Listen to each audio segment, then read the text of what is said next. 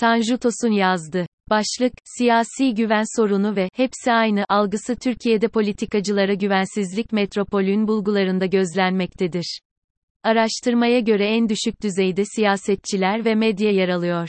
Güven düzeyi Haziran 2016'dan Haziran 2022'ye 10 üzerinden 4,4'ten 2,7'ye gerilemiş durumda. Türkiye parti sistemi ve seçmen eğilimleri Batı demokrasileri parti sistemleri ve seçmen eğilimlerinden kimi nitelikleri itibarıyla ayrışırken, bazı benzer örüntü ve niteliklere de sahiptir.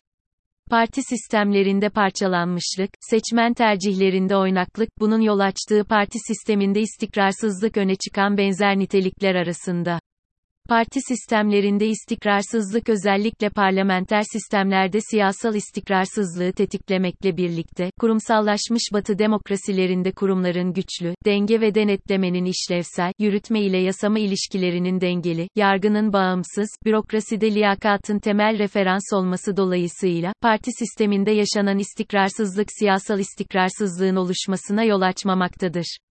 Hükümetler dağılsa, yerine yeni hükümetler kurulana kadar uzun süreler geçebilse de, kurumların yerleşikliği, normlar ve kuralların hakimiyeti, bürokrasideki gayri şahsilik dolayısıyla sistemler işlevlerini yerine getirir. Hatta öylesine ki, bu demokrasilerde de son çeyrek asırdır gözlenen politika, kurumlarına ve aktörlerine ilişkin güven kaybına rağmen, Yerleşik kurumsallaşmış demokrasilerde de politika, politikacı ve partilere olan güven bir hayli düşmüş durumda. Nitekim çeşitli araştırma bulgularında farklı ülkeler örneğinde de bu eğilim görülüyor. Geliştirilmiş siyasal güven ölçeklerine göre bireylerin partilere olan güven düzeyi kurumları itibarıyla polis, mahkemeler, sivil hizmetler, bürokrasi ve parlamentodan sonra geliyor ve en alt düzeyde bulunuyor. 1. Siyasi güvenin boyutları siyasi kurumlara olan güven şeklinde değerlendirilen siyasi güven demokratik rejimlerin istikrarına en önemli katkıyı yaptığı gibi, güven sosyal kaynaşmayı, bir arada yaşamayı da kolaylaştırır. Politik kutuplaşmayı azalttığı gibi, toksik politik kutuplaşmanın da panzehiridir.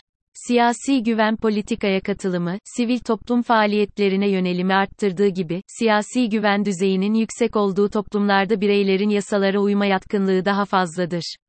David Easton güven kavramını siyasi otoritelere veya siyasi rejime yönelik yaygın destek olarak tanımlar. 2. Siyasi güven, siyasi destek kavramının en değişken unsuru olup, bireylerin siyasi kurumlara olan güveni ekonomik büyüme, işsizlik, yolsuzluk, skandallar ve benzeri makro değişkenlerle doğrudan ilgilidir. Siyasi güven her şey bir yana güvenilir aktörler olarak algılandıkları ve ortak çıkarlar doğrultusunda hareket ettikleri için kamu politikalarını uygulama veya reform yapma niyetinde olan hükümetler için değerli bir araçtır. 3. Güven kaybı ise hem yönetmeyi hem de yönetilmeyi güçleştirir. Bu durumda kurumların meşruluğu, iş görme kapasitesi zayıflar, ardından istikrarsızlık, krizler gelebilir. Kurumlara olan güven düzeyinin Türkiye'de özellikle politikacılar örneğinde düşüklüğü Metropol Araştırma'nın Haziran 2022 araştırma bulgularında gözlenmektedir. Nitekim kurumlara olan güven düzeyinde en yüksek güven ordu ve emniyet güçlerine yönelikken, güven sıralamasında en düşük düzeyde siyasetçi ve medya yer alıyor. Diğer yandan, genel olarak kurumlara olan güven düzeyinde Haziran 2016'dan Haziran 2022'ye genel bir düşme eğilimi dikkat çekerken, siyasetçilere olan güven düzeyi 4,4'ten 2,7'ye gerilemiştir. 0. Hiç güvenmiyorum. 10. Tamamen güveniyorum. 4. Politikacıların bir siyasi parti ile özdeşleştikleri dikkate alındığında, bu güven düzeyi düşüklüğünün partiler için söz konusu olduğu açıktır. Siyasi güvenin azalması doğal olarak partilerle seçmenleri arasındaki özdeşleşme ilişkisini, parti aidiyetini zayıflatırken, kararsız ve protestocu seçmenleri arttırır. Seçmen zihninde söylemlere yansıyan, kim gelirse gelsin değişmez, algısını güçlendirerek, hepsi aynı, şeklinde partilere dair negatif bir algının da oluşmasına yol açar. Türkiye'de bugün oranları %10 ila 20 arasında değişen kararsız ve protestocu seçmenin araştırmalarda görünür olması, hepsi aynı, şeklinde seçmenin rasyonelleştirdiği partilere ilişkin siyasi güven sorunuyla ilgilidir.